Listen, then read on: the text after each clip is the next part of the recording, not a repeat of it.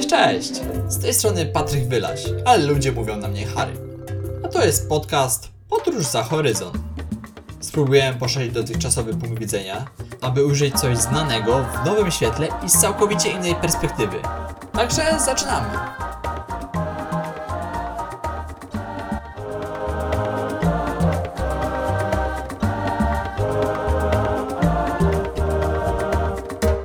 Dzisiaj goszczę Julię Mozgawę, autostopowiczkę, podróżniczkę, właścicielkę biura podróży Gringos Travel Tours oraz wielką wielbicielkę Brazylii. Cześć, witam Was bardzo serdecznie. Pozdrawiam z Brazylii. Pozdrawiasz z cieplutkiej Brazylii.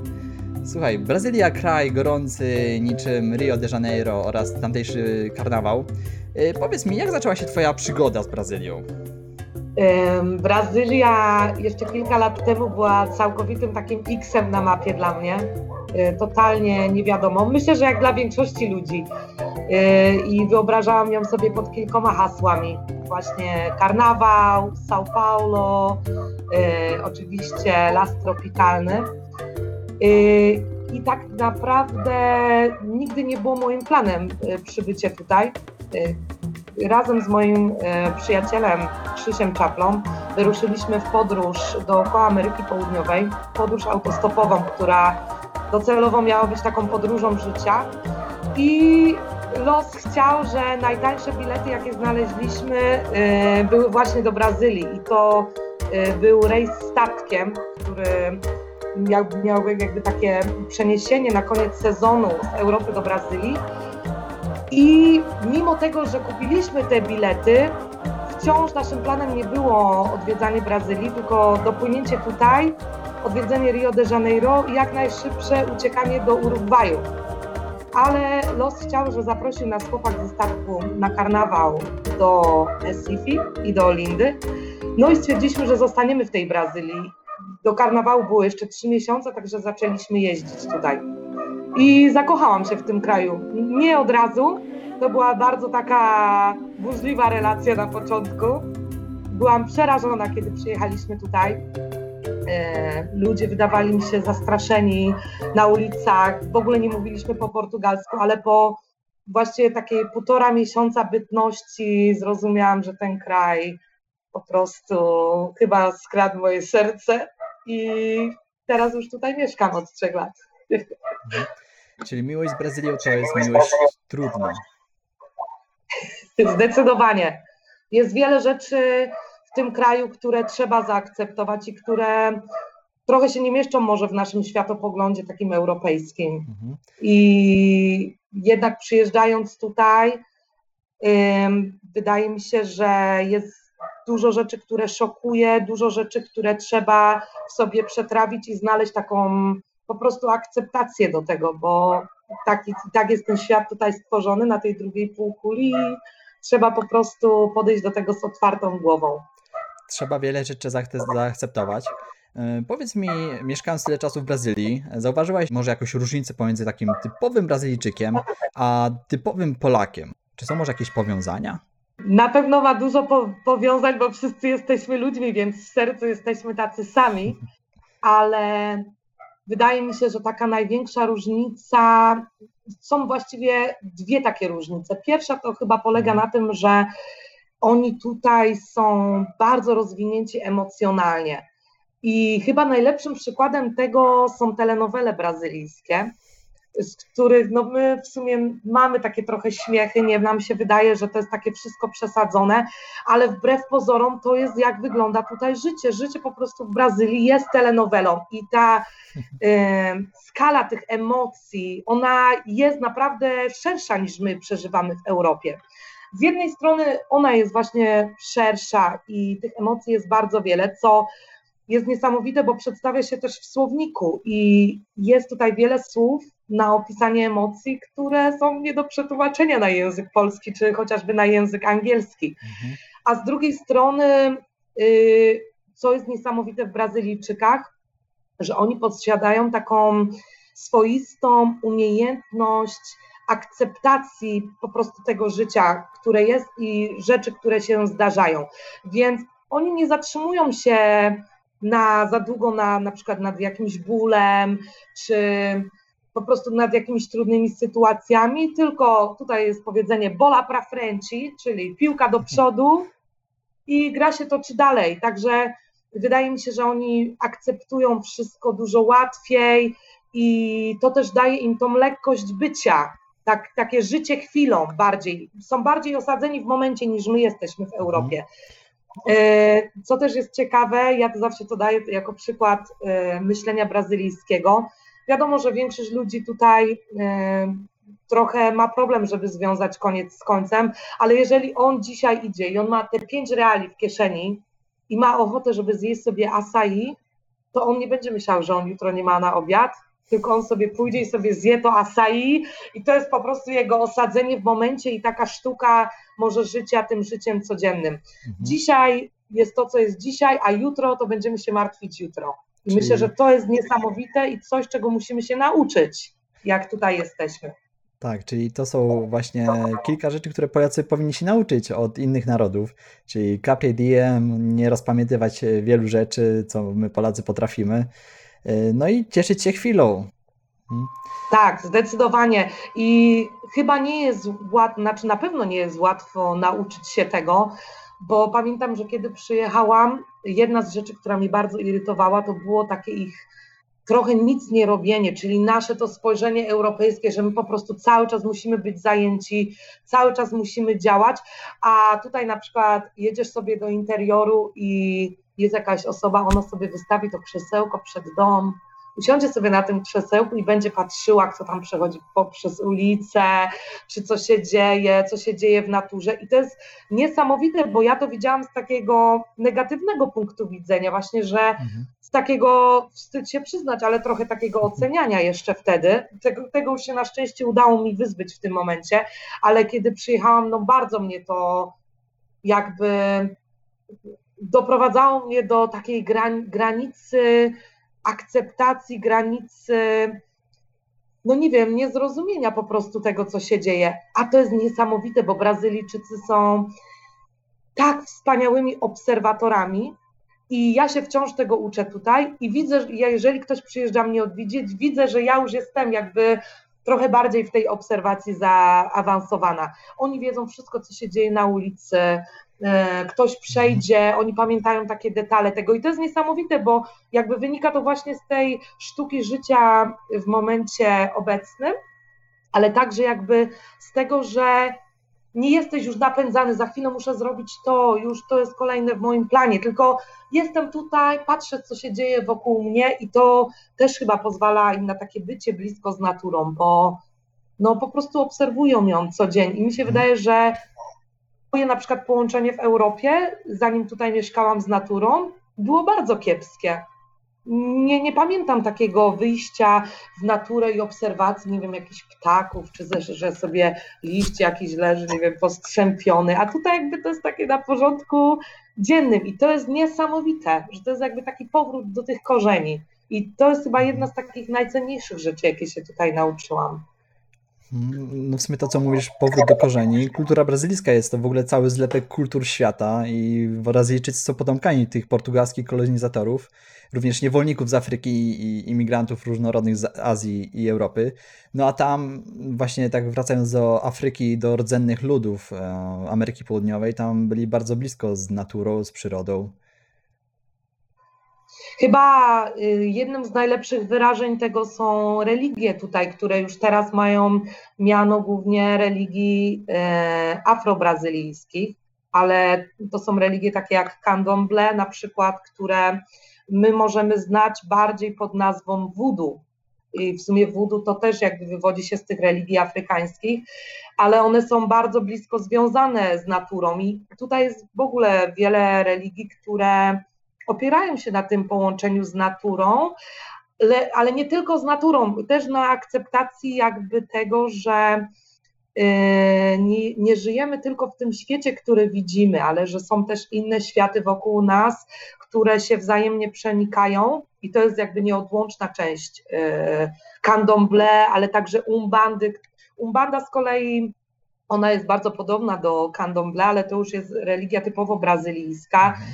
I y, co jest ciekawe, że tutaj y, ten synkretyzm religijny jest niesamowity, bo właściwie każda religia y, jest zlepkiem innych religii. Nawet katolicyzm, taki jak my sobie go wyobrażamy, on tutaj właściwie w takiej formie no, nie istnieje europejskiej. To wszystko jest bardziej radosne, właśnie bardziej skupione na tym połączeniu z naturą. Ale myślę właśnie wracając do tych religii afrykańskich, E, tutaj kolebką taką, jeżeli chodzi o miejsce tych religii, to jest Salwador, który jest najbardziej czarnym miastem, my tak nazywamy, najbardziej, jest najwięcej e, descendentów afrykańskich. E, no i jakby on się opiera właśnie na tym połączeniu z naturą i jest reprezentowany przez takie bóstwa, które się nazywają Orisha, ale one też jakby stoją na straży tego balansu pomiędzy naszym światem, światem natury i one tak naprawdę to są przedstawienia tego świata natury. Czyli to są jakby takie bóstwa różnych e, zjawisk naturalnych, które przedstawiają jakby obraz tego Boga, którego my sobie możemy wyobrażać, Boga jako taką jedność. I to jest jedna z tych religii, ale na przykład również e, jest wiele religii, o których ja nie miałam pojęcia, kiedy wyjeżdżałam z Europy, kiedy tutaj przyjechałam. I co jest ciekawe, bo na przykład jest religia e, spirytyzm, która wywodzi się z Europy, bo jej prekursorem jest Allen Kardec, ale nigdy o niej nie słyszałam w ogóle w Polsce. I to jakby też opiera się na tym świecie duchów, że my jednak nie żyjemy jedynie tutaj na Ziemi, ale no, jesteśmy całym cyklem, ta nasza dusza jest całym takim cyklem przechodzącym przez różne wymiary i potrafiącym wrócić tutaj, chociaż mamy też w wyrażeniu europejskim yy, dziady, tak, które jednak gdzieś tam w tej kulturze staropolskiej były osadzone i to jest mniej więcej na tym samym polega, tak, czyli jakieś tam duchy wracają tutaj, bo potrzebują modlitwy, czy potrzebują czegoś, co nie pozwala im przejść e, dalej. Mhm. Natomiast tutaj jest to coś normalnego, że ktoś jest spirytystą, ktoś praktykuje candomblé, czy umbandę, czy również na przykład e, Santo Daime, które jest też religią typowo brazy, brazylijską i opiera się na piciu ayahuaski. To jest też niesamowite, bo u nas jest to zabronione, a tutaj jakby jest to uznane jako religia i ona ma już y, ponad 100 lat w tym momencie. Więc jest to też bardzo ciekawe, że jest ten zlepek i wszyscy się akceptują. Nie ma takiej dyskryminacji religijnej jak, jak u nas.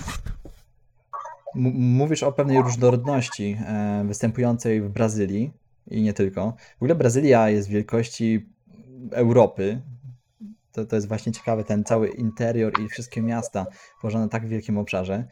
Spotkałaś się z kultur, kulturą, zwierzeniami tamtejszymi. E, czy masz może z nimi jakiś kontakt albo coś cię zaskoczyło w nim? Mam kontakt y, z Santo Daime, taki regularny. Natomiast czasem do Santo Daime zaraz wrócę. Czasem mhm. można zobaczyć pozostałości po rytuałach candomblé, które E, ofiarowują zwierzęta jeszcze, więc to jest taki trochę e, kontrowersyjny temat, więc na przykład na plaży, gdzie oni sobie organizują te różne e, rytuały swoje, które są znane pod nazwą Makumba, co jest ciekawe, bo chyba wszyscy pamiętamy piosenkę Makumba, Makumbaska, więc teraz można się zastanowić skąd to pochodzi. Tak naprawdę Makumba to jest nazwa instrumentu muzycznego, to jest taka e, instrument wyrzeźbiony w kabasie, to jest jakby taka ludzie, którzy piją yerba mate, będą wiedzieć, co to jest kabasa. To, z tego jest zrobiony zazwyczaj ten mateiro, e, czyli to jest taka jakby odmiana, można powiedzieć, dyni, która jest twarda i pusta w środku. I oni po prostu wybierają taki podłużny instrument, podłużny kształt tej kabasy i, i rzeźbią na tym taką tarkę, więc e, ta tarka jest używana przy różnych e, ceremoniach religijnych. Mhm. Więc to są takie jakby możliwości zobaczenia tego candomblé w życiu. Natomiast ja mam tą styczność y, głównie z Santo Daime, ale również z Kościołem Ewangelickim. Do Santo Daime jeszcze dojdę, dlatego że to jest chyba taki największy temat, natomiast chciałabym jeszcze opowiedzieć o kościele ewangelickim tutaj, który w Polsce też jest takim no, odłamem, raczej jest mało praktykantów, a tutaj jest to jedna chyba z takich najsilniejszych religii. Więc z kościołem ewangelickim każdy ma kontakt, dlatego że po pierwsze te kościoły są wszędzie i oni, one są bardzo ekspresyjne. Msze polegają głównie na śpiewach, jest w ogóle cały zespół w środku, więc jak pierwszy raz to zobaczyłam, to ja myślałam, że to jest koncert, jak ja nie wiedziałam jeszcze, nie znałam portugalskiego, bo tam jest perkusista, gitara elektryczna, ten pastor to w ogóle jest jakimś piosenkarzem, no i to wszystko jest taką bardzo ekspresyjnie zrobione, Mhm. ale również ci ludzie przewijają się tak w życiu codziennym, na przykład jedziesz metrem i tam ten pastor wchodzi, czyta tą Biblię tam głosi y, jakby swoją wiarę, można powiedzieć. I ludzie słuchają, bo dzięki temu synkretyzmowi religijnemu nie ma znaczenia, że on jest jakby z kościoła ewangelickiego, bo jego będą słuchać i również inni ludzie, którzy czytają Biblię. To jest Mhm. bardzo ciekawe. To jest właśnie niesamowite, ta radość z wiary, to uwielbienie wtedy, e, no cieszenie się całością, zgromadzeniem i, no i w tym przypadku właśnie chwalenie Boga razem poprzez śpiew. No to właśnie jest Zgadza się. Jest, obecność Boga w ogóle jest niesamowicie zakorzeniona tutaj, y, co można zobaczyć chociażby w pożegnaniu, chociaż w brazylijskim, portugalskim tak często się go nie używa, ale pożegnanie jest adeus, czyli z Bogiem. Tutaj raczej ludzie mówią fica com Deus, czyli zostań z Bogiem. I to jest y, tak naprawdę wśród wszystkich religii i to jest taki standard tutaj używanie tego, więc nie ma zależno, nie ma jakby znaczenia jakiej religii jesteś, ale Mhm. to jest normalne, że używać tego No, powitania z, z tym czy ogóle, pożegnania. z tym śpiewem miałem kontakt pierwszy raz w ogóle w, w Ameryce, e, w USA. E, Zawsze chciałem spotkać, e, zajść w ogóle na taką mszę i jak wszedłem do śpiewających ludzi, no bo troszkę się spóźniłem, e, to takie wow, całkowicie inny świat. E, Niby formuła jest ta sama, ale całkowicie, całkowita inna forma przekazu tej mszy. Mhm. Jest to takie dużo bardziej radosne, bo u nas trochę ta formuła jest taka uklęknij, jeżeli chodzi o Kościół katolicki, uklęknij, wstań, tam ktoś zadzwoni dzwoneczkami i jakby jest to wszystko tak ułożone, a tutaj jednak to ludzie tańczą w tym kościele, yy, naprawdę jest ogromna ekspresja tego i w sumie jest to ciekawe, że w kościele katolickim, nawet w Polsce jest to powiedzenie, że kto śpiewa, modli się podwójnie, a jednak nie ma tego wyrażenia takiego w życiu, a tutaj jednak można to zobaczyć i yy, myślę, że jeżeli ktoś będzie w Brazylii, to warto wejść na taką mszę, oni są bardzo bardzo chętnie przyjmują gości i można uczestniczyć w tym i poczuć tą energię, bo ja pierwszy raz jak uczestniczyłam w takiej mszy, no to byłam pod wrażeniem, ile energii po prostu się wyzwala z ludzi i co jest ciekawe też, bo ludzie mdleją na tych mszach, płaczą, yy, no jest to niesamowite. Ja sama płakałam pierwszy raz, jak byłam na tej mszy i jakby myślałam na początku, że trochę to jest taki teatr, nie? Bo my też jak patrzymy z, tego, z tej perspektywy europejskiej, to mówimy, Boże, co tutaj za teatr się w ogóle yy, odwala. Natomiast prawda jest taka, że ta energia, która się tam wyzwala, no to, to nie jest teatr, to po prostu ludzie przeżywają całym sobą i po tej mszy, po tym jak ta energia cała się wyzwoli, są tak oczyszczeni, że wychodzą i widać, że czują się lepiej, czują się bliżej ze samym sobą, bliżej z Bogiem. I chciałabym wrócić do tego Santo Daime, Jasne. które jest tym szerszym tematem, bo tam jest trochę ta sama, może nie jest ta sama koncepcja, ale msza w Santo Daime polega na tym, że ludzie, to jest koncentracja i śpiewanie zazwyczaj. Też czasem są tańce, ale to bardzo rzadko.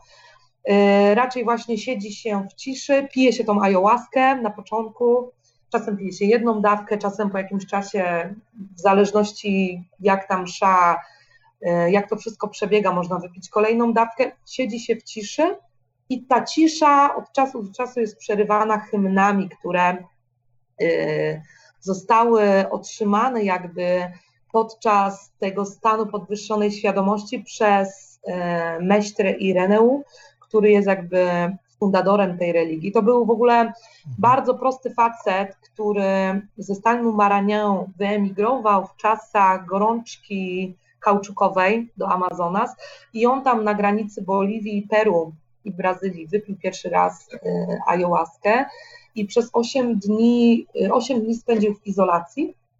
Zaczął otrzymywać różne jakby te hymny i różne takie jakby wskazówki, z których stworzył potem tą doktrynę. I on w ogóle stworzył miejscowość, taką wioskę, w której się skupiali ludzie, którzy chcieli to wyznawać i mogli za darmo tam mieszkać i sobie kultywować rolę.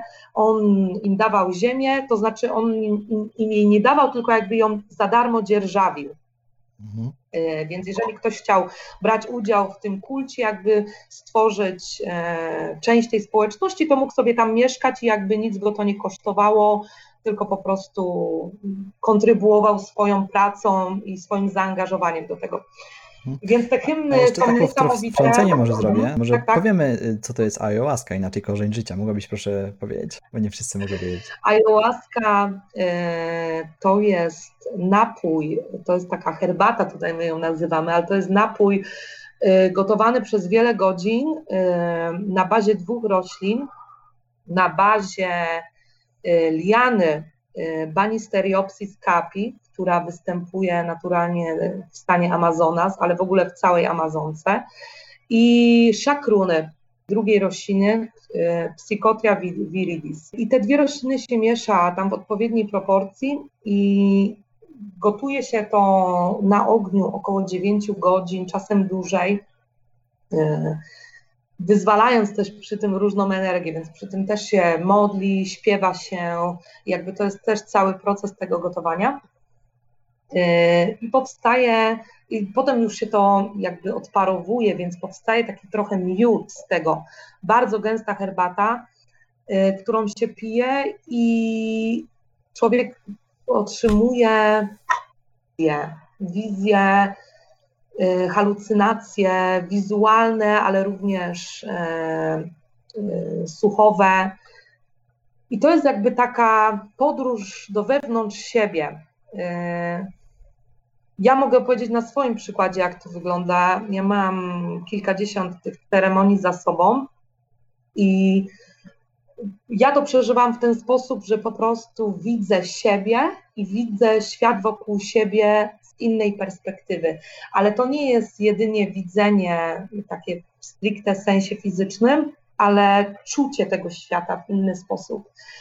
I Trochę można to porównać do terapii, bo zaczynasz widzieć swoje wady, zaczynasz widzieć swoje takie braki, nad czym trzeba pracować. I tak naprawdę ta ceremonia ayahuaski to jest, mm, nie wiem, 20-30% tego, co można wokół tego zrobić, bo cała przygoda zaczyna się po zobaczeniu tych, e, tych swoich braków, po zobaczeniu świata z innej perspektywy i wtedy można zacząć już w takim świadomym, w tym świecie materialnym, w którym żyjemy, zacząć zmieniać coś w sobie. I to jest niesamowite, bo ten wywar leczy ludzi y, zarówno z dolegliwości fizycznych wielokrotnie, ale również z uzależnień. I wydaje mi się, że pomaga ludziom żyć w taki sposób bardziej zbliżony do natury. Przynajmniej w moim, w moim przypadku tak się mhm. stało. Kiedyś na przykład yy, myślałam, że weganizm to jest totalne szaleństwo, a w chwili obecnej jestem już taką skrajną weganką, jeszcze jem jaja. Yy, to jest bardzo ciężko odejść od tej mhm. diety, jakby, która zawiera jajka, ale przestałam jeść ser, przestałam pić mleko, i to jakby stało się też po tym, że zobaczyłam, że nie jest mi to potrzebne, że tak naprawdę dużo więcej zyskam, jeżeli ja zacznę to substytuować orzechami, nasionami, że to ma dużo więcej witamin niż ta szklanka mleka, którą pijemy na przykład. Nie było to łatwe, ale dzięki ayahuasce i zobaczeniu po prostu tego z innej perspektywy, to było takie zaakceptowanie tego, że ja tego nie potrzebuję i tak naprawdę ta zmiana nastąpiła z dnia na dzień. Nie musiałam się wyrzekać niczego, tylko było to takie płynne, że aha, służy mi to, idę w to. I wiele ludzi przeżywa to, jeżeli chodzi o uzależnienia i na przykład pije tą ayahuaskę, chcąc się uleczyć czy z alkoholizmu, czy z narkomanii, bo co jest ciekawe, ludzie mogą mówić, no tak, ale jest to narkotyk. Tak, tylko że mm, pytanie jest, co my nazwiemy narkotykiem, bo my możemy również nazwać alkohol narkotykiem, który ja na przykład nie piję alkoholu, bo jest to dla mnie tak mocne, że nie jest. I kiedyś piłam, wiadomo, jak polska kultura, każdy pił alkohol albo pije w polskiej kulturze.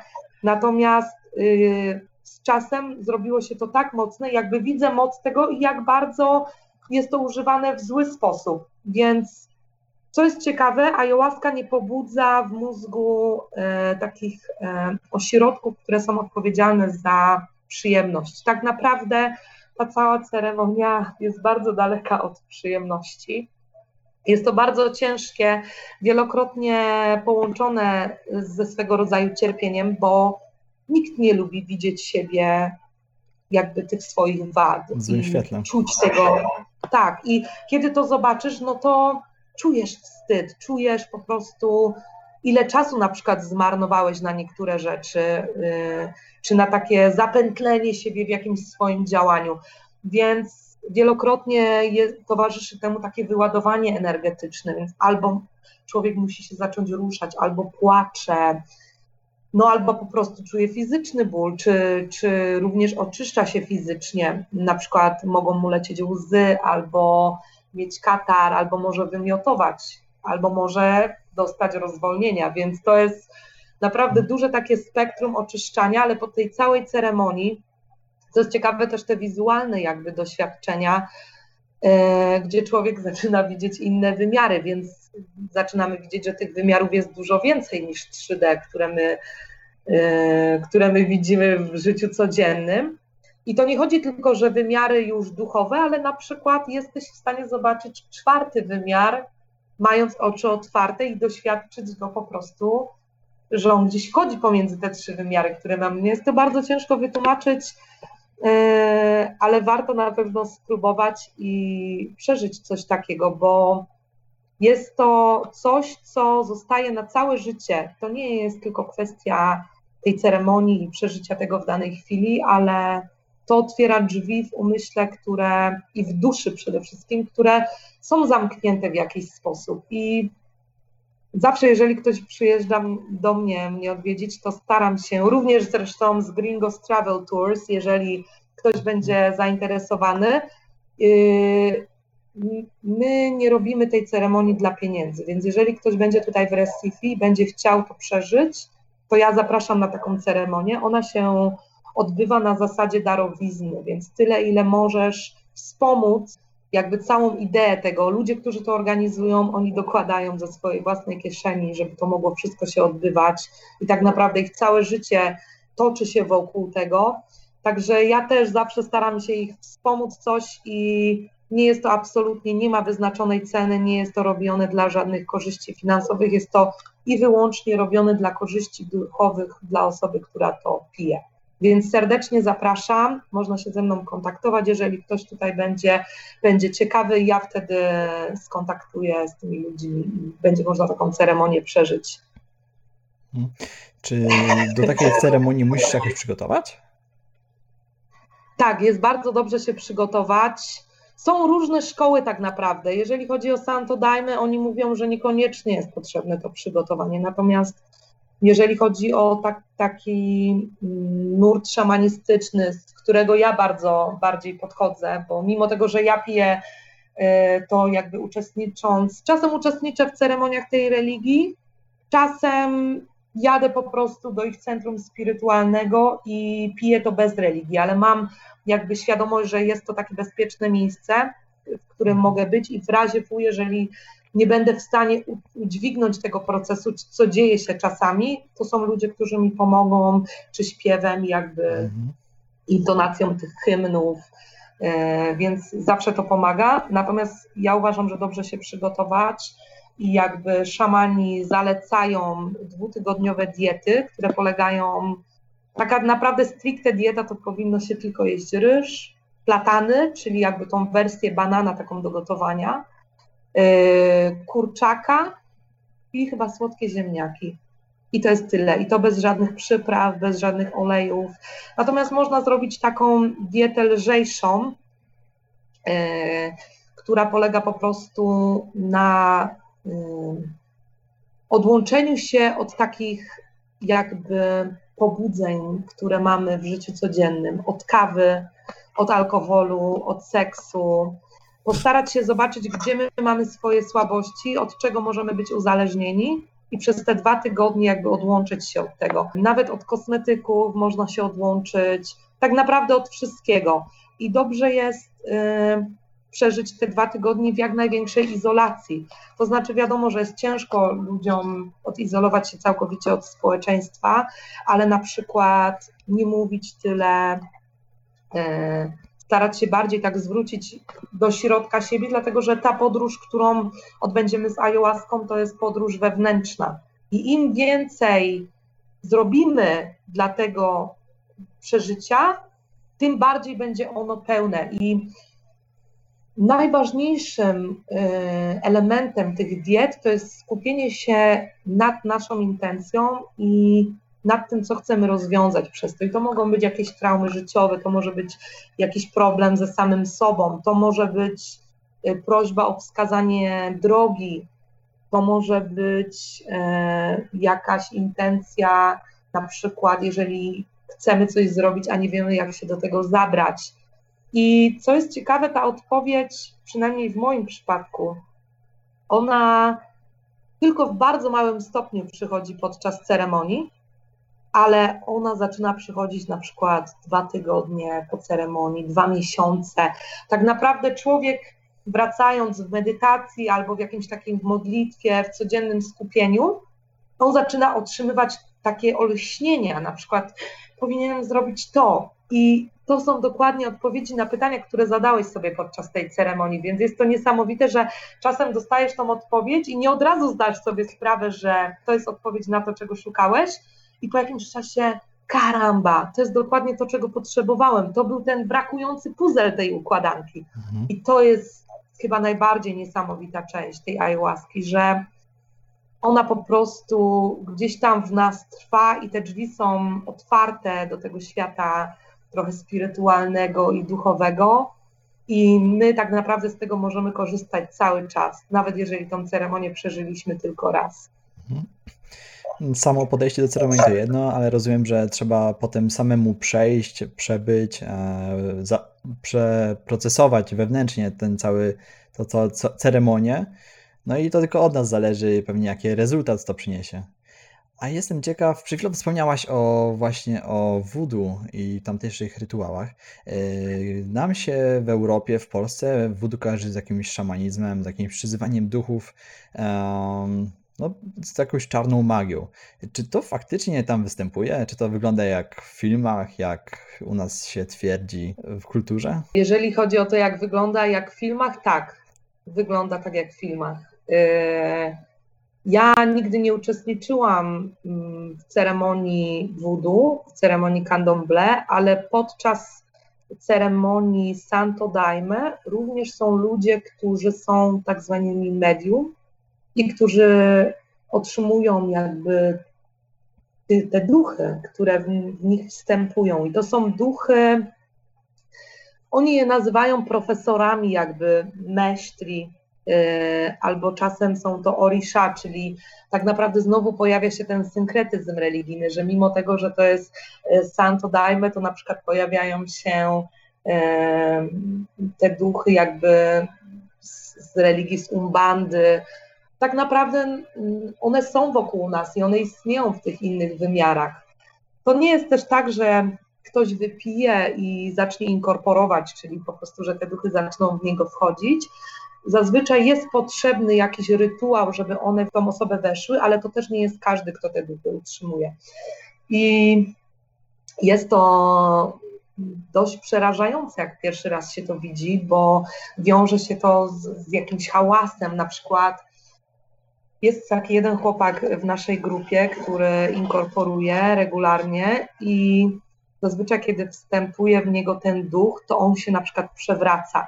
I całe szczęście, że on jest niewidomy, bo on już siedzi, bo gdyby on stał, no to na przykład ta osoba może się przewrócić, może się uderzyć o coś, więc to też jest takie bardzo gwałtowne. I co jest ciekawe, temu towarzyszą takie śmiechy, że ten, ten, y, te duchy jakby ja na początku może trochę zanim to zobaczyłam, to mówię, nie, no to w ogóle jest niemożliwe, że coś takiego się dzieje, że to musi, no musi być jakiś teatr.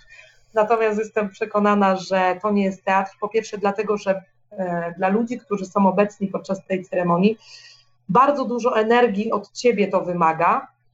E, tego nie czuć od razu, ale po ceremonii człowiek jest no, w, pewien, w pewien sposób wyczerpany fizycznie, ale y, każdy z, tych, tych duchów, my je nazywamy sereś, y, one mówią innymi, jakby może niekoniecznie innymi językami, chociaż pojawia się, że na przykład mówi jakimś językiem zupełnie nam nieznanym, ale one na przykład używają bardzo starego języka. Więc ja czasem, kiedy miałam okazję rozmawiać z tymi duchami, nie rozumiałam, e, co one do mnie mówią, mimo że one mówiły po portugalsku, bo używały tak archaicznego języka, że ja po prostu nie znałam tych wyrazów, nie znałam tego, tego sposobu mówienia. Na przykład, kiedy ktoś inkorporuje, może prąd wyłączyć się i też parę razy mieliśmy taką sytuację, że ktoś inkorporował i nagle na przykład światło się wyłączyło i dopiero wróciło mhm. po jakimś czasie, albo jest taki huk się pojawia, więc bardzo dużo takich e, fizycznych jakby znaków jest wokół tego. Natomiast mm, myślę, że to nie jest tak straszne, jak my sobie to wyobrażamy, no bo no te duchy wokół nas są i one nie są po to, żeby sprawić, że my będziemy cierpieć, one raczej są po to, żeby dać nam jakąś wskazówkę. Y, ja do końca się tak nie, wypowiem w 100% y, na ten temat, dlatego że ja wciąż jakby poznaję tą stronę, ale jeżeli chodzi o candomblé, myślę, że religia katolicka, ona nazywa demonami wszystko, co tak naprawdę nie jest, e, nie wpasowuje się w ten kanon. Więc tak, tak samo jeszcze niedawno religia katolicka mówiła, że na przykład medytacja to jest wytwór szatana albo yoga. Więc myślę, że trochę to samo jest podejście tutaj. My tego nie znamy, my tego nie praktykujemy, więc jest to wytwór szatana. Natomiast prawda jest taka, że candomblé, ono nie ma rozdzielności na dobro i zło. Ono po prostu uważa, że natura musi się dopełnić mhm. i wszystko dąży do tego, do tej równowagi. Więc y, my możemy to trochę postrzegać też z tej wizji katolickiej, y, no jako, jako jakiś taki wytwór szatana, czy nie wiem, jakieś złe energie. Ja myślę, że to są energie dobra i zła, dlatego że oni tego nie rozróżniają. Więc na przykład ludzie, którzy to praktykują i można ich spotkać yy, albo ich poznać po strojach, które oni noszą takie białe stroje z dużą zwoją korali i tak dalej, albo można ich spotkać sklepach, oni mają specjalne sklepy, y, w których mają takie artefakty do tych ceremonii, można kupić te korale, można kupić na przykład jakieś kadzidła, czy no różne rzeczy, które oni tam używają. I, I te sklepy też mają takie przedstawienie na przykład jakichś postaci spirytualnych, które mogą mieć takie demoniczne trochę e, wygląd. Natomiast myślę, że ostatecznie w każdej religii chodzi o to, żeby zbliżyć się do tego Boga i są po prostu na to różne sposoby. Więc nie można tego oceniać z takiej perspektywy naszej europejskiej. E, trzeba to po prostu przeżyć, zobaczyć i dopóki to nie robi nic złego innym osobom, no to myślę, że jest wszystko ok. Natomiast są takie rytuały, które na przykład mogą rzucać klątwy y, na inne osoby. I to na pewno istnieje i to nie jest tylko w candomblé, bo ja spotykałam Indian, y, na przykład w Gujanie czy w Ekwadorze, którzy wierzyli w 100% w klątwy i ja w moim życiu też widziałam, że po prostu te klątwy można rzucać i tak naprawdę każdy to może zrobić. I co jest ciekawe, Y, w religii katolickiej się o tym nie mówi, ale każde złe życzenie, które my wysyłamy do innej osoby, to jest klątwa. Jeżeli my jesteśmy na kogoś źli i na przykład, nie wiem, chcemy, kurczę, teraz na przykład on zobaczy, to jest zrzucanie klątwy. My to robimy nieświadomie, ale to już jest tak naprawdę praca z czarną magią. Hmm. I chyba jeżeli człowiek jest bardziej świadomy tego, y, to przestaje po prostu myśleć w ten sposób, przestaje y, tak wartościować dobrze albo źle i, i jakby może się kierować jaką, jakąś złością czy czymś, bo po prostu wie, że to jest negatywna energia, która jeżeli ty ją wysyłasz, to ona do ciebie wróci w którymś momencie. I my o tym nie mówimy w religii katolickiej, ale to jest obecne w każdej, absolutnie każdej religii. Jest stare powiedzenie, nie życz drugiemu, co tobie niemiłe. Dokładnie. I dobrze się tym kierować. Mhm, do- Dobrze, dobrze się tym kierować, słuchajcie. E, W ogóle to wszystko to, co mówisz, no to dochodzę do wniosku, że podróże to w ogóle wyjście ze strefy komfortu, e, żeby poznać drugiego człowieka, e, inną kulturę. W sumie nawet umo- umożliwia nam opuszczenie siebie i wejście w skórę drugiego człowieka. Podróże oznaczają jeszcze jak niejako takie wyjście poza uprzedzenia, w tym przypadku jakieś osądy czy nasz światopogląd. I, że, I to pozwala nam wkroczyć w całkowicie odmienne doświadczenie, całkowicie inne istnienie na świecie. Coś poza znanym nam światem. Zdecydowanie, zdecydowanie. Y, Wydaje mi się, że tak długo, jak człowiek podchodzi z otwartą głową i obserwuje bez oceniania, y, jakby najwięcej czerpie z tej kultury i z tego kraju, który odwiedza. Jeżeli jedziemy do jakiegoś kraju i uprzedzamy się do rzeczy, które widzimy, zamiast po prostu je obserwować i starać się zrozumieć i podejść do nich z perspektywy osób, które uczestniczą w tym i to jest jakby część ich życia codziennego, no to niestety nie jesteśmy w stanie tego kraju zrozumieć ani tej kultury. My jesteśmy wtedy zamiast być częścią tej kultury i przeżywać ją, my jesteśmy takim obserwatorem, który jednak znajduje się- się gdzieś poza tym kręgiem.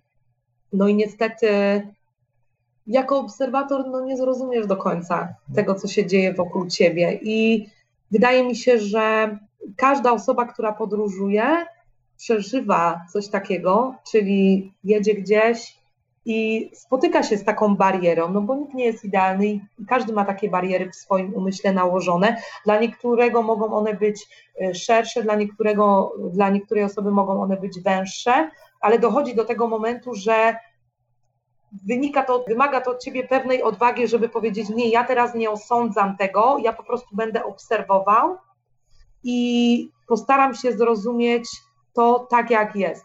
A jeżeli skupiamy się na tych ograniczeniach naszych, no to niestety nie zdobędziemy tyle doświadczenia i nie wyniesiemy tyle z tych podróży, ile byśmy mogli.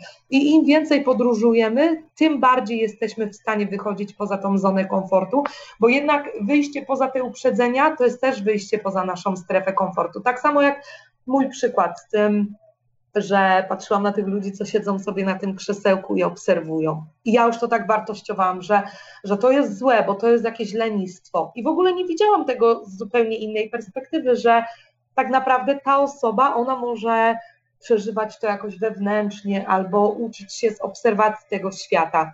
Dopóki ja tego nie przeżyłam i nie zauważyłam po iluś miesiącach bytności w Brazylii, że ja też jestem w stanie usiąść i po prostu przeżywać to, co się dzieje wokół mnie, bez planowania, co ja za chwilę zrobię yy, i bez takiej, takiej potrzeby angażowania się w jakąś aktywność cały czas, nie byłam w stanie tego zrozumieć, ale zajęło mi to ileś miesięcy, żeby dojść do tego punktu.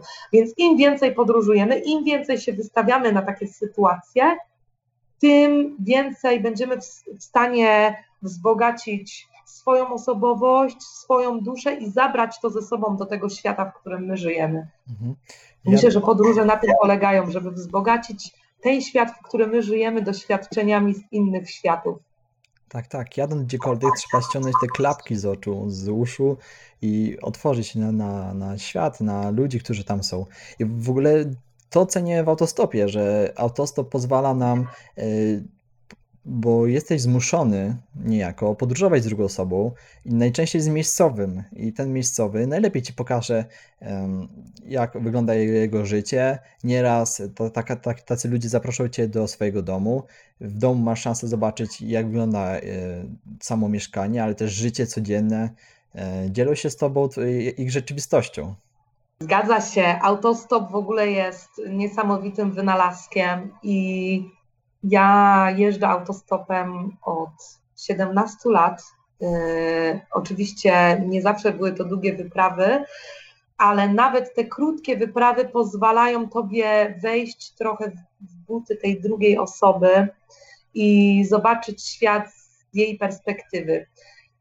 Myślę, że co najbardziej, najbardziej cenię w autostopie, to jest ta wiara w ludzi, która po prostu się budzi, jak zatrzymuje się dla ciebie całkowicie o, y, obca osoba i ty biegniesz z tym plecakiem i oni przyjmują cię w swoim samochodzie, który czasem jest dla nich jak dom na przykład, bo jeżeli ktoś jest kierowcą tira, no to na przykład w Brazylii to jest w ogóle śmieszny zwyczaj, oni ściągają japonki zanim wchodzą do tira, jak ktoś jest tirowcem, więc oni sobie je zostawiają na tym stopniu e, ostatnim przed kabiną, więc to jest ich dom. Oni tam odkurzają w środku, to jest sobie pryskają jakimiś tam odświeżaczami. No to jest po prostu, oni cię przyjmują u, u siebie, ufając, że ty masz dobre intencje i chcąc po prostu tobie pomóc. I jak ty sobie zdasz z tego sprawę, że to nie jest tylko podwózka, że to jest tak naprawdę ogromna doza zaufania, Przecież y, samo jak ludzie się pytają, a ty się nie boisz na stopa jeździć? No ale sytuacja jest dokładnie ta sama ze strony kierowcy i z mojej,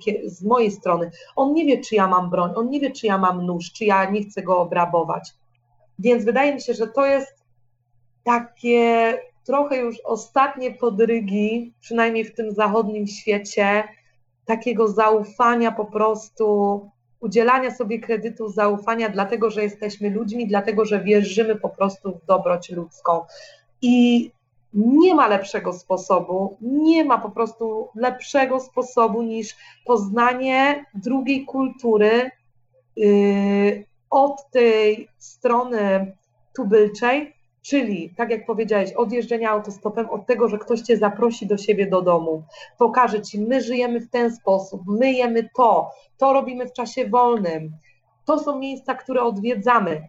Nie dowiedziałbyś tego się nigdy z żadnego przewodnika, yy, żadne biuro podróży, chyba że jest to Gringos Travel i pokazuje ci od mojej perspektywy, jak ja widzę świat tutejszy. Żadne biuro podróży nie dostarczy ci takich informacji i nie pozwoli ci żyć tym życiem codziennym danego kraju, jak jeżdżenie autostopem.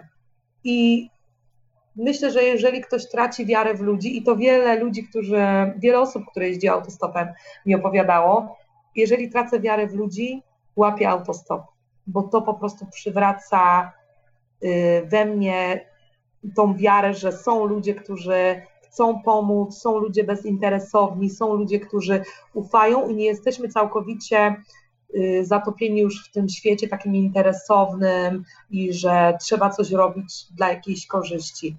I wydaje mi się, że to jest ta zasada podaj dalej, czyli jeżeli ktoś jeździ autostopem i był zapraszany do domów innych ludzi, to potem, kiedy on przestaje jeździć, on też ten swój dom zaczyna otwierać dla innych ludzi i ich przyjmować.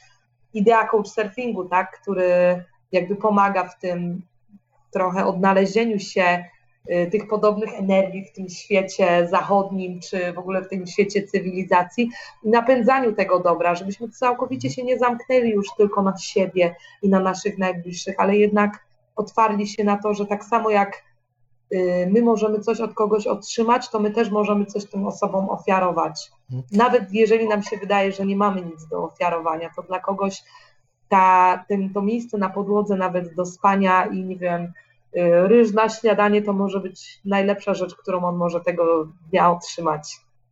I to jest niesamowite. I tutaj w Ameryce Południowej muszę powiedzieć, że tak jak Bałkany były i są absolutnie dla mnie taką stolicą tej dobroci ludzkiej w Europie, to ja byłam zaskoczona, jak ludzie są otwarci tutaj, bo my prawie nie używaliśmy couchsurfingu. Przez cały rok, 13 miesięcy wyprawy, nie użyliśmy 10 razy couchsurfingu, bo ludzie po prostu mówili: namiot? Jaki Mhm. namiot? Ty dzisiaj będziesz spał u mnie w domu.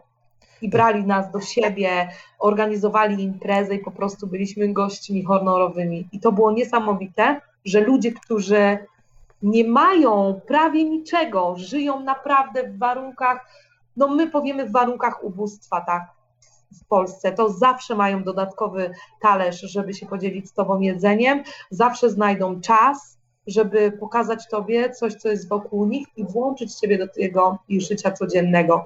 I to była dla mnie ogromna nauka. Po prostu zaczęłam bardziej otwierać swój dom dla ludzi i teraz też przyjmuję coach surferów. Yy, często czasem piszę na grupie autostopowej: Hej, jesteście tutaj, wpadajcie, mam dla Was miejsce. Mam specjalny materac, który dostałam od innego coach surfera, właśnie, żeby móc ludzi tutaj hostować. Mam hamaki i yy, tyle, ile mogę komuś pomóc, to chcę zrobić tą moją część i jestem pewna, że to, co ja otrzymałam od ludzi, to ja nigdy tego dobra nie uda mi się zwrócić w 100%. Wspomniałaś, że zjechałaś autostopem całą Europę i miałaś doświadczenie z Ameryką Południową. E, czy jesteś w stanie porównać obydwa tereny e, pod względem autostopu? E, czy jest coś, co wyróżnia Brazylię albo inny sposób na łapanie stopa tam? Myślę, że w Brazylii najlepszym sposobem na łapanie stopa jest po prostu bezpośrednie podchodzenie do ludzi i rozmawianie. Tutaj niestety autostop w ogóle nie jest popularny. Y, ludzie, których poznaliśmy, co jeździli autostopem, to byli zazwyczaj gringos. I boją się trochę ludzie brać, szczególnie tacy ludzie, którzy jadą samochodem osobowym. Oni też nie jadą na długie odległości zazwyczaj z miasta do miasta maksimum 100-200 kilometrów, ale jest niesamowite, jakie jazdy można złapać tirem. Mieliśmy jazdy, ze względu na to, że chcieliśmy skorzystać trochę więcej, to nie odbywaliśmy całej tej trasy, ale mieliśmy oferty na przykład na 2,5, na 3000 kilometrów jednym samochodem, bo tirowcy jadą ogromne odległości. Tutaj w ogóle Brazylia to są odległości, których ja w Europie nie byłam sobie w stanie wyobrazić. Możesz mieć od miasta do miasta 100 kilometrów i na przykład 50 e, kilometrów droga jest absolutnie prosta, nie ma żadnych skrętów. I to jest, a krajobraz też jest niesamowity. E, I co jest ciekawe, bardzo łatwo jest przekonać ludzi, żeby Ciebie zabrali, i ludzie są niesamowicie gościnni. Ci tirowcy zazwyczaj zapraszają cię na jakieś śniadanie czy obiad, które gotują sobie tam na kucheneczce przy tirze. Y, ale również y, bardzo duża dogodność, tutaj w Brazylii przynajmniej, y, to są stacje benzynowe, na których łazienki, przynajmniej dla kobiet, w większości są bezpłatne. Mężczyźni czasem muszą zapłacić 5 zł za to, żeby wziąć prysznic, ale można się spokojnie też umyć w umywalce i jest ochrona na tych stacjach benzynowych, więc kiedy pójdzie się i powie, słuchajcie, jeżdżę autostopem, mogę sobie rozbić tutaj namiocik, oni powiedzą pewnie i oni zrobią tak, żebyś tu się czuł jeszcze dobrze na tej stacji, więc powiedzą, tu jest łazienka, tutaj możesz podładować telefon i jakby mają na ciebie oko. Czują się tacy odpowiedzialni za to, bo czują się, że ty jesteś ich gościem, mimo że ja jestem tylko jakimś tam strażnikiem na tej stacji, a mieliśmy wielokrotnie sytuację, że y, pytaliśmy się tego strażnika, czy możemy się rozbić, pewnie, pewnie, a on rano przychodzi i mówi, słuchajcie, przyjdźcie na śniadanie, i na przykład robi całe śniadanie dla nas, jakieś kanapki,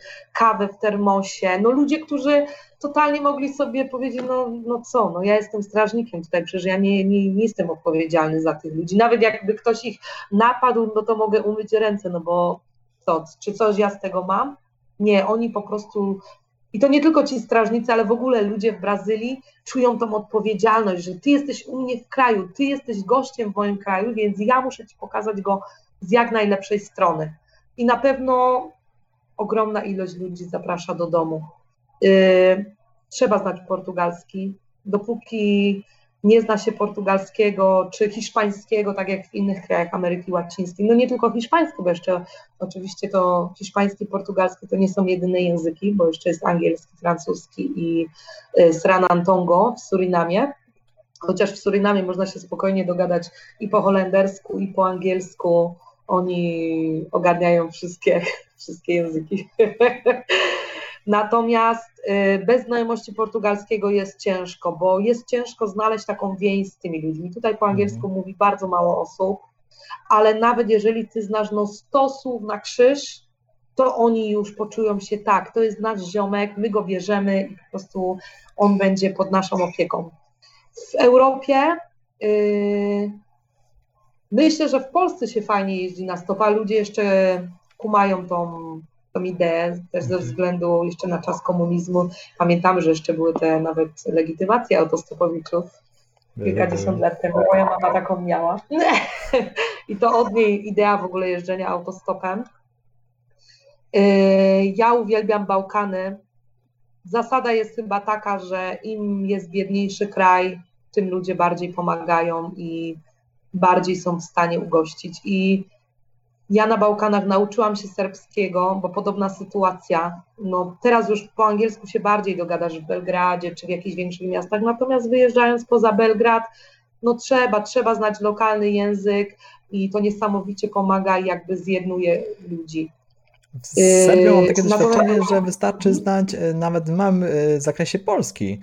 Je- Jeżeli obydwie strony chcą się dogadać, to na spokojnie znajdą e, zakres słownictwa, który odpowiada w Polsce i w, w Słowenii podobny, e, podobny ton, podobne znaczenie. Tak, w Słowenii dom, ale już po serbsku to jest kucia, więc jest inne słowo. ale na pewno da radę, da radę się dogadać, y, bo jednak jakby to nie było, jest to język słowiański. Wszystko zależy od chęci, ale bez znajomości języka człowiek nie będzie w stanie pojąć tej kultury y, w stu procentach, taką jaką ona jest, chociażby dlatego, że język też tworzy kulturę. I tak jak mówiłam o tym, że y, na przykład w Brazylii niektóre emocje, one nie mają odpowiednika, y, to tak samo będzie w serbskim. Niektóre rzeczy nie będą miały polskiego odpowiednika i wtedy jest dobrze umieć to sobie poczuć w sobie, żeby znać znaczenie tego słowa tak emocjonalnie. Ale co jest na przykład ciekawe, y, po portugalsku nie istnieje słowo samolubny i to reprezentuje tą kulturę niesamowicie. Yy, Tutaj nie ma ludzi samolubnych. Naprawdę, jeżeli na przykład dzieciaki, wydawałoby się, no dobra, jest bieda, rzadko na przykład jedzą czekoladę, zazwyczaj to są takie jakieś biszkopty, takie najtańsze rzeczy. Czekolada raz, że tutaj jest droga, dwa, że jej jakość jest nie, w ogóle nieporównywalna do jakości w Europie. W Europie czekolada jest dużo lepsza ze względu na technologię to tutaj jeżeli dasz grupie dzieciaków y, dwa kawałki czekolady, a jest 10 dzieciaków, to każdy będzie miał gryza tej czekolady i nie będzie jakiegoś, że ja chcę to dla siebie. Więc to też jest niesamowite, że jakby język nie wykształcił niektórych pojęć, które u nas no, są w Europie jakby w, języku, w takim języku codziennym i operujemy nimi. No po co, skoro byłby nieużywany, nie? Dokładnie, dokładnie. Więc ten język wydaje mi się y, świetnym przykładem y, jest Planeta Abstrakcja i Borys, który jest znakomitym poliglotą i oni pokazują, jak można wejść w środek kultury, jeżeli ty znasz język. I jednak bez, jesteśmy w stanie doskonale na przykładzie ich kanału zobaczyć, że bez znajomości tego języka oni by nie byli w stanie przedstawić tego, co przedstawiają bo po prostu ten język otwiera drzwi domów dla ciebie. To jest tak samo jednak, jak ktoś by przyjechał do Polski i nie, nie mielibyśmy z nim żadnego wspólnego języka, a nagle on by zaczął rozmawiać po polsku, no to czujesz do niego w jakiś sposób takie zaufanie i chyba bardziej czujesz Mhm. chęć tą, tego, tej pomocy trochę, bo jednak czujesz też tą wymianę, która nadchodzi, a jednak te podróże, no one polegają na wymianie, wymianie doświadczeń, wymianie językowej, wymianie kultura, kulturowej i myślę, że to też jest taki klucz. W Europie jeździ się ciężej na stopa niż tutaj, Yy, a na pewno ciężej yy, jest właśnie wniknąć w tą kulturę, być takim zapraszanym, chociaż ta Europa, właśnie Bałkany, Albania, yy, wciąż te biedniejsze kraje mają trochę inną twarz. Bo na przykład bardzo ciężko dla mnie jest sobie wyobrazić, żeby ktoś cię w Belgii, czy w Holandii, czy w Niemczech do domu zaprosił. Chociaż zdarzały mi się takie sytuacje, ale to były No, naprawdę ja też miałem jednostkowe takie sytuacje. W Niemczech, Aha. Szwajcarii ludzie są naprawdę gościnni. Mhm. Ale polecam wszystkim, Ameryka Południowa na stopa jest niesamowita i nie można się bać. Y, Ta fama, która jest, y, że autostop jest niebezpieczny, że przestępstwa i tak dalej, nie, trzeba się pozbyć tego myślenia i po prostu uwierzyć w dobro ludzkie i tym się kierować. Mhm. Bo tutaj mówisz o, o bezpieczeństwie właśnie. E, Czy tam pojechałaś już z myślą, że tam jest bezpiecznie, czy to był jakiś proces, proces budowy tego, tej świadomości, tego powszechnego bezpieczeństwa? Jak to Ja wyglądało? pojechałam z myślą, że jest niebezpiecznie. tak samo jak wszyscy sobie wyobrażają to w Europie. Jak my przyjechaliśmy do Brazylii, no to ja powiedziałam mojemu partnerowi y, Krzysiowi, że po prostu my jesteśmy szaleni i ja sobie nie wyobrażam jeżdżenia autostopem po Brazylii. Ale no taki był plan i zresztą nie byliśmy finansowo przygotowani, żeby robić to w jakikolwiek inny sposób niż spanie w namiociku i proszenie ludzi o podwózkę. I myślę, że też jednak brak tej znajomości językowej też sprawia, że nie czujesz się tak pewnie, no bo jeżeli ktoś o czymś rozmawia, a ty nie wiesz o czym, no to, to możesz być podejrzliwy, ale jest bezpiecznie, Brazylia jest bezpieczna. To bardzo zależy od tego, w jakim miejscu się znajdujesz i dopóki nie angażujesz się w jakieś, nie wiem, działalności przestępcze tutaj, czy na przykład na faweli, no nie wiem, nie przebywasz blisko, gdzie są trafikanci, no to raczej jest bezpiecznie. Trzeba po prostu uważać też, chyba taka reguła w każdym kraju, gdzie jest bieda, nie wyglądać na takiego, który zbyt dużo ma, bo Mhm. jednak z tych wszystkich osób to ty padniesz wtedy ofiarą.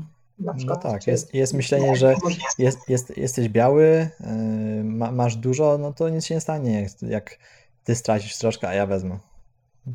A mia, Dokładnie, dokładnie. miałeś szansę, yy, bo wspomniałaś o fawelach, miałeś szansę zajrzeć do tamtego świata? Y, Ja na co dzień mieszkam na faweli, y, więc codziennie tutaj zaglądam do tego świata i uwielbiam ten świat, y, ale moje takie pierwsze styczności z fawelą, y, fawelą chyba w takim kontekście, jak my rozumiemy w Europie, czyli rozwinięta przestępczość. Tutaj też oczywiście, gdzie ja mieszkam, są jest przestępczość. Y, Nawet mi- miałyśmy sytuację dwa tygodnie temu, e, z moją sąsiadką siedziałyśmy na ogrodzie i rozmawiałyśmy i to był jakiś weekend, wieczór i padły strzały i ona już też jest osobą taką sędziwą po siedemdziesiątce i mówi o, strzały. I jakby jest to coś normalnego tutaj. Nie jest to coś, co zdarza się codziennie, ale powiedzmy raz w tygodniu, raz na dwa tygodnie można usłyszeć. Jakby jest już to wpisane tutaj w to życie, chyba nikogo to nie dziwi. Jakby każdy jest świadomy tego, że, no, że jest przestępczość, ale jest zasada, że jakby, powiem tak brzydko, nie rób kupy do własnego gniazda, czyli Mhm. Tutaj, gdzie ja mieszkam, y, ta społeczność jest dość mała, więc wszyscy się znają i dlatego jest bezpiecznie, bo każdy wie y, wszystko w gruncie rzeczy. Jeżeli wyjdziesz przed dom, też jakby formacja tej faweli y, pomaga tobie zobaczyć, co się dzieje po drugiej stronie wzgórza. Więc jeżeli ktoś coś robi, no to ty widzisz, bo masz po prostu ogląd na wszystko. A w Riu, y, gdzie tak naprawdę to była taka najbardziej hardkorowa fawela i tam spędziłam trzy tygodnie. I spędziłam trzy tygodnie mieszkając w ogóle z trafikantem, który otworzył również swoje serce, tak samo jak jego mama, i mnie zaprosili po prostu, żeby mieszkać u niego w domu. I na początku myślałam, że to będzie na zasadzie wymiany. I mówi: Słuchaj, daj mi 50 reali, czyli wtedy to było w okolicach 50 zł, teraz jest może w okolicach 35 i możesz zostać ile chcesz.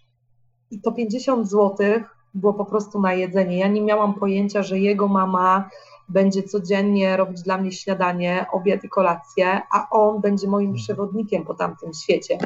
Więc no, miałam możliwość zobaczenia tego świata przestępczego od naprawdę od wewnątrz i łącznie z, z doświadczeniem, że dali mi karabinek do podtrzymania.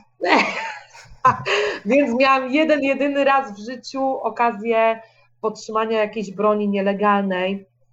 To było no, ogromne przeżycie dla mnie, bo jednak jeżeli pochodzisz z takiego świata ułożonego, a tutaj chodzisz po ulicy i widzisz ziomków po 15, 18 lat stojących z kałasznikowami i sprzedających y, narkotyki, jakby to był coffee shop, mają po prostu stół, na tym wszystko jest rozłożone, y, pieniądze jakby w, w woreczkach i tak dalej i, i te narkotyki popakowane. Y, to, jest, to jest cały biznes tam. To jest nawet, oni mają na przykład, jeżeli kupujesz 5 gram, to dołączają do tego bledki tobie. I masz to wszystko zapakowane, jest na tym logo w ogóle tam tej fakcji, która to sprzedaje. Oczywiście to jest wszystko e, jakby działalność przestępcza, no ale nie zmienia to faktu, że jakby jest popyt, jest podaż, nie?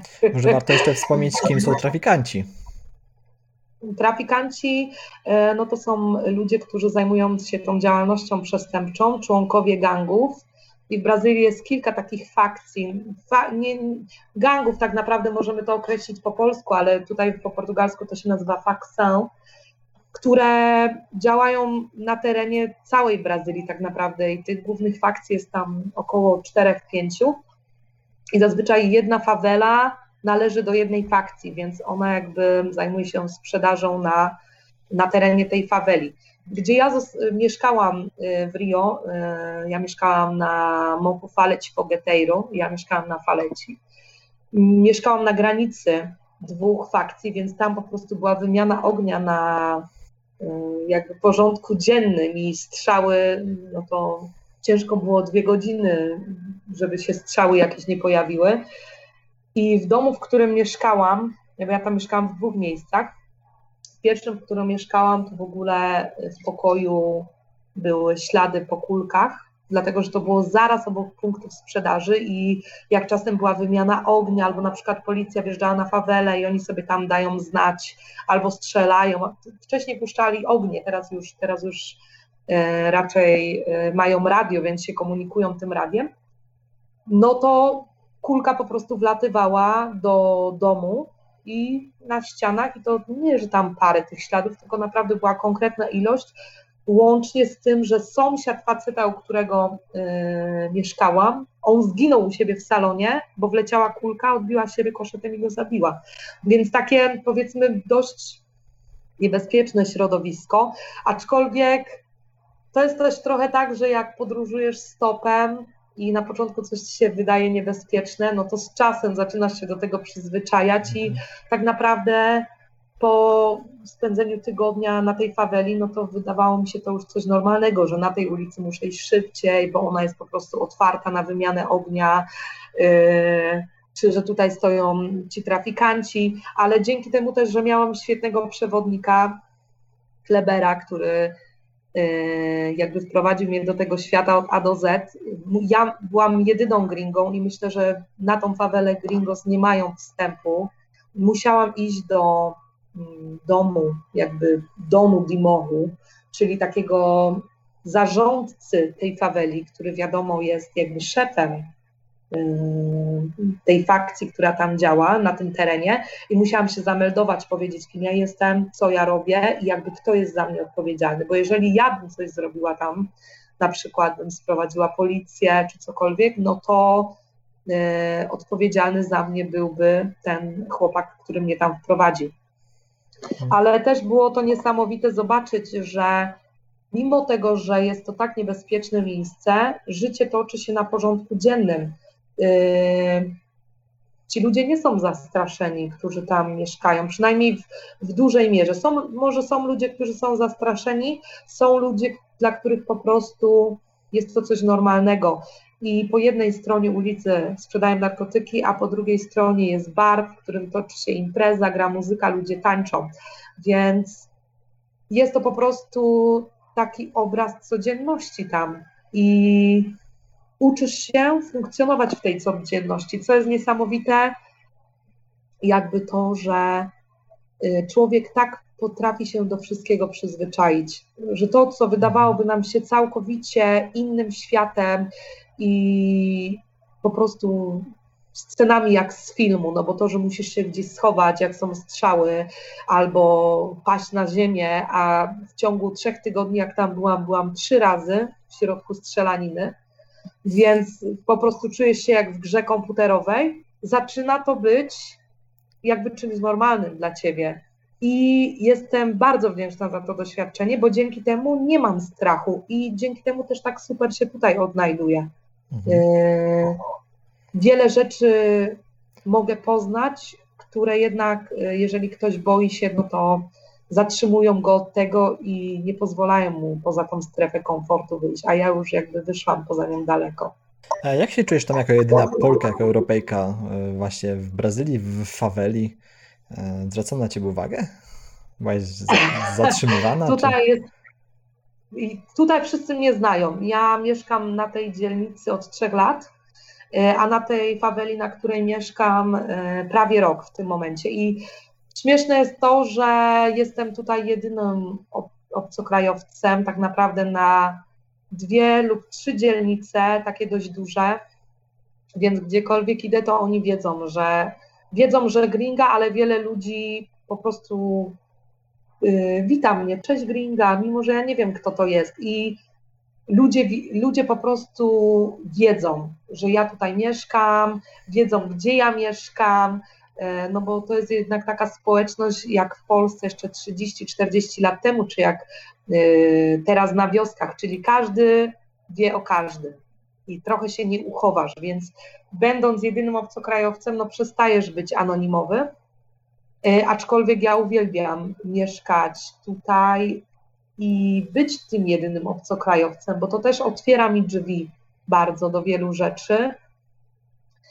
E, Wydaje mi się, że ludzie są ciekawi, dlaczego Brazylia, bo jednak tutaj mało jest ludzi, którzy wyjeżdżają za granicę, którzy podróżują. I dla nich się wydaje to niesamowite, że z tego świata, do którego oni chcieliby może uciekać, czy którego oni są ciekawi, ktoś tutaj może przyjechać i jakby żyć pełnią życia w ich świecie. I ja zawsze mówię, że tutaj po prostu są rzeczy, których ja już nie odnajduję w Europie. I jakby jeżeli komuś nie zależy na statusie materialnym, no to tutaj jest w stanie odnaleźć fantastyczne rzeczy. I dzięki temu, że jestem tutaj jedyna, mam tylko przyjaciół Brazylijczyków, to też pozwala mi wsiąknąć w tą kulturę. No, jestem częścią tej kultury, jest niesamowite, bo wiele Brazylijczyków mówi, że Julia, jesteś bardziej brazylijska niż moi znajomi Brazylijczycy, bo ja po prostu chłonę to i czuję się częścią tutaj mm, dzięki temu. Gdybym żyła y, w społeczeństwie, może w jakiejś takiej diasporze, y, trochę tak jak na przykład kiedy mieszkałam w Amsterdamie przez 5 lat i głównie mm, moim znajomymi byli obcokrajowcy i nie byli to Holendrzy, to nie czujesz się nigdy w 100% u siebie. A jednak jeżeli jesteś częścią y, tego społeczeństwa lokalnego i w jakiś sposób w nim się udzielasz, ja zbieram śmieci tutaj w lesie, czy y, jakby staram się promować też trochę y, środowisko, na przykład kiedy idę do supermarketu, to wszyscy wiedzą, że ja nie używam siatek foliowych. Jeżeli jest jakiś nowy pracownik, to nie, to ta dziewczyna nie używa siatek. I to jest też super, że jesteś w stanie wnieść troszeczkę ze swojego świata tych pozytywnych rzeczy do, do świata, w którym żyjesz i w którym może one nie są takie normalne. A już miałam wiele pogadanek na temat środowiska, y, na temat jakby śmiecenia z ludźmi i to też jest, jakby czuję swoją rolę, którą spełniam tutaj, a której trochę nie miałam w Europie, bo miałam wrażenie, że w Europie już jest wszystko tak poorganizowane, że jest bardzo ciężko jakby być jakimś takim prekursorem czegokolwiek. A tutaj jednak ta wymiana kulturowa wciąż następuje, mimo że ja no, jestem już bardzo daleko od tej kultury europejskiej w tym momencie i dla mnie czas, jak mieszkałam w Europie, to jest jak, jak jakiś taki bardzo odległy film, który oglądałam lata temu. I jeszcze co bym chciała o tej kulturze tutaj powiedzieć ludzi yy, i o faweli. Dlaczego życie na faweli moim zdaniem może nas nauczyć więcej niż życie na przykład w centrum i w takim bloku czy w wieżowcu, dlatego że tutaj ludzie wiedzą wszystko o sobie i to jest wciąż społeczeństwo wymiany. Czyli jeżeli ja mam na przykład więcej gojaby, ja mam akurat tutaj dwa drzewa gojabowe, to ja idę i wydaję tą gojabę moim sąsiadom. Jeżeli oni mają coś, czegoś więcej u siebie, y, no to oni przychodzą i mówią, słuchaj, mam dla ciebie mango, mam dla ciebie trzcinę cukrową. Jeżeli skończyć się mąka, możesz iść do sąsiada i się zapytać, czy on ma tą mąkę tobie pożyczyć. I to jest coś, czego, co ja pamiętam z mojego dzieciństwa jeszcze w Polsce, a wiem, że teraz już to nie istnieje. I to też sprawia, że jesteś częścią tej społeczności, bo wiesz, że jeżeli będziesz potrzebował pomocy, to jest ten sąsiad, który tobie pomoże. I najbardziej to poczułam, kiedy zaczęła się pandemia i ja wtedy straciłam pracę y, i miałam taką bardzo ciężką sytuację finansową. Zostało mi w którymś momencie 30 zł, z czego mój pies był chory i jak kupiłam dla niego lekarstwo, zostało mi 2 złote. I mówię, co ja teraz zrobię z tym? I kupiłam sobie dwie paczki ciastek i zrobiłam kawę i mówię, dobra, teraz po prostu relaks, dzisiaj jest dzisiaj, jutro się będę zastanawiać, a na następny dzień co się stało? Jakoś właściciel mojego mieszkania o tym wiedział, że mam ciężką sytuację i poprzychodzili do mnie sąsiedzi. Jedni mi przynieśli mydło do prania, inni mi przynieśli kuskus, ser, chleb, jakąś margarynę, y, ryż, y, paczkę feijão, czyli y, fasoli. I po prostu zrozumiałam, ja żyję w społeczeństwie i nigdy bym się nie spodziewała tego gestu. A tutaj ktoś po prostu sam pomyślał i wyciągnął do mnie pomocną dłoń, zanim ja zdążyłam poprosić o pomoc. I to samo w sklepie na przykład, jeżeli y, nie masz, żeby zapłacić dzisiaj, to pani ci sprzeda na kreskę, a w Europie na zeszyt, to w Polsce to naprawdę myślę, że to już 20-25 lat temu takie sytuacje. W mniejszych Więc to jest wsiach niesamowite ludzie się znają nawzajem. Myślę, że to dalej działa bardzo dobrze. Mhm. Ale tak na, na przykład rzucę przykładem, mieszkam w akademiku, nie mam kawy, idę do mojego y, sąsiada Maćka i on zrobi mi kawę. Posiedzimy, pogadamy, pogramy. Albo jak mieszkałem w bloku, to poszedłem do sąsiadki obok y, po cukier. I to dalej działa, ale w osobnych przypadkach. Mhm. Wciąż działa to, że ludzie chyba, którzy nie mają za wiele, na przykład tak jak studenci, yy, potrafią się bardziej dzielić jednak, Mhm. bo wiedzą, że oni też będą potrzebować w którymś momencie, mogą potrzebować i to dobro jednak wraca. Więc cieszę się, że wciąż, czy autostop jest przykładem, czy to zapraszanie do domu, czy couchsurfing, czy tak jak sytuacje, które ty podałeś, to też wciąż sprawia, że ta wiara w ludzi nie umarła i czujemy, że jednak są wokół nas osoby, które nam dobrze życzą i są gotowi podać tą pomocną dłoń, kiedy potrzebujemy. To prawda. A ty czujesz się bardziej teraz Brazylijką czy Polką? Ja się czuję bardziej Brazylijką.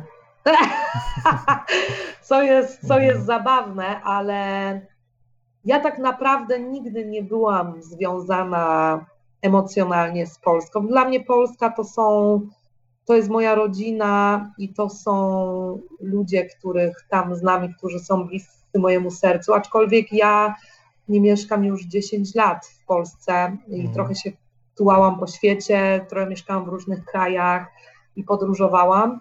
Natomiast Brazylia jest krajem, w którym ja się odnalazłam i dzięki temu, że czuję się częścią tego społeczeństwa, czuję się bardziej Brazylijką. I czuję patriotyzm, którego nigdy nie czułam w Polsce. Nie wiem, czy to jest wynik tego, że może te wartości brazylijskie są bardziej wspólne z, z moimi, może ta wolność, którą tutaj mam.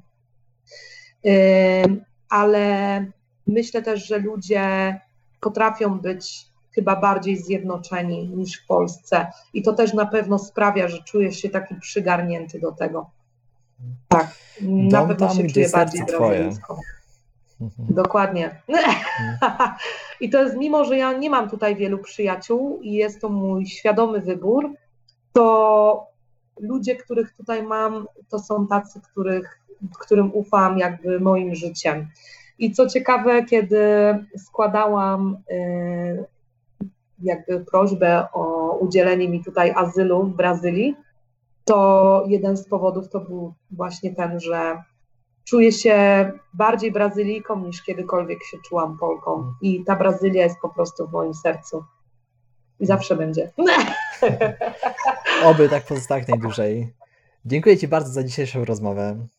Wprowadziłaś nas w niesamowity świat Brazylii i no, bardzo kultury nieznanej e, w Polsce i równie tajemniczej. E, Słuchaj, powiedz nam, gdzie możemy Cię znaleźć?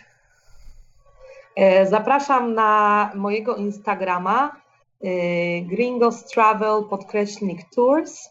Również możecie mnie znaleźć na Facebooku pod hasłem Gringos Travel Tours oraz za chwilę się ukaże mój podcast Inne Światy, także na pewno pod tym hasłem będziecie mnie w stanie znaleźć, a jeżeli będziecie chcieli się dowiedzieć więcej o jeżdżeniu autostopem, to właśnie kończę pracę nad książką, która mam nadzieję, że jeszcze w tym roku się ukaże i będzie to prowadzenie nie tylko do świata Brazylii, ale Ameryki Południowej, którą będziecie mogli poczuć na własnej skórze.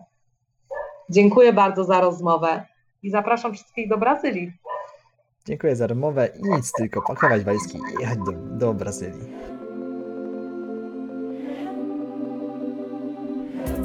Więcej gości i ciekawych rozmów już niedługo. Do zobaczenia. Cześć!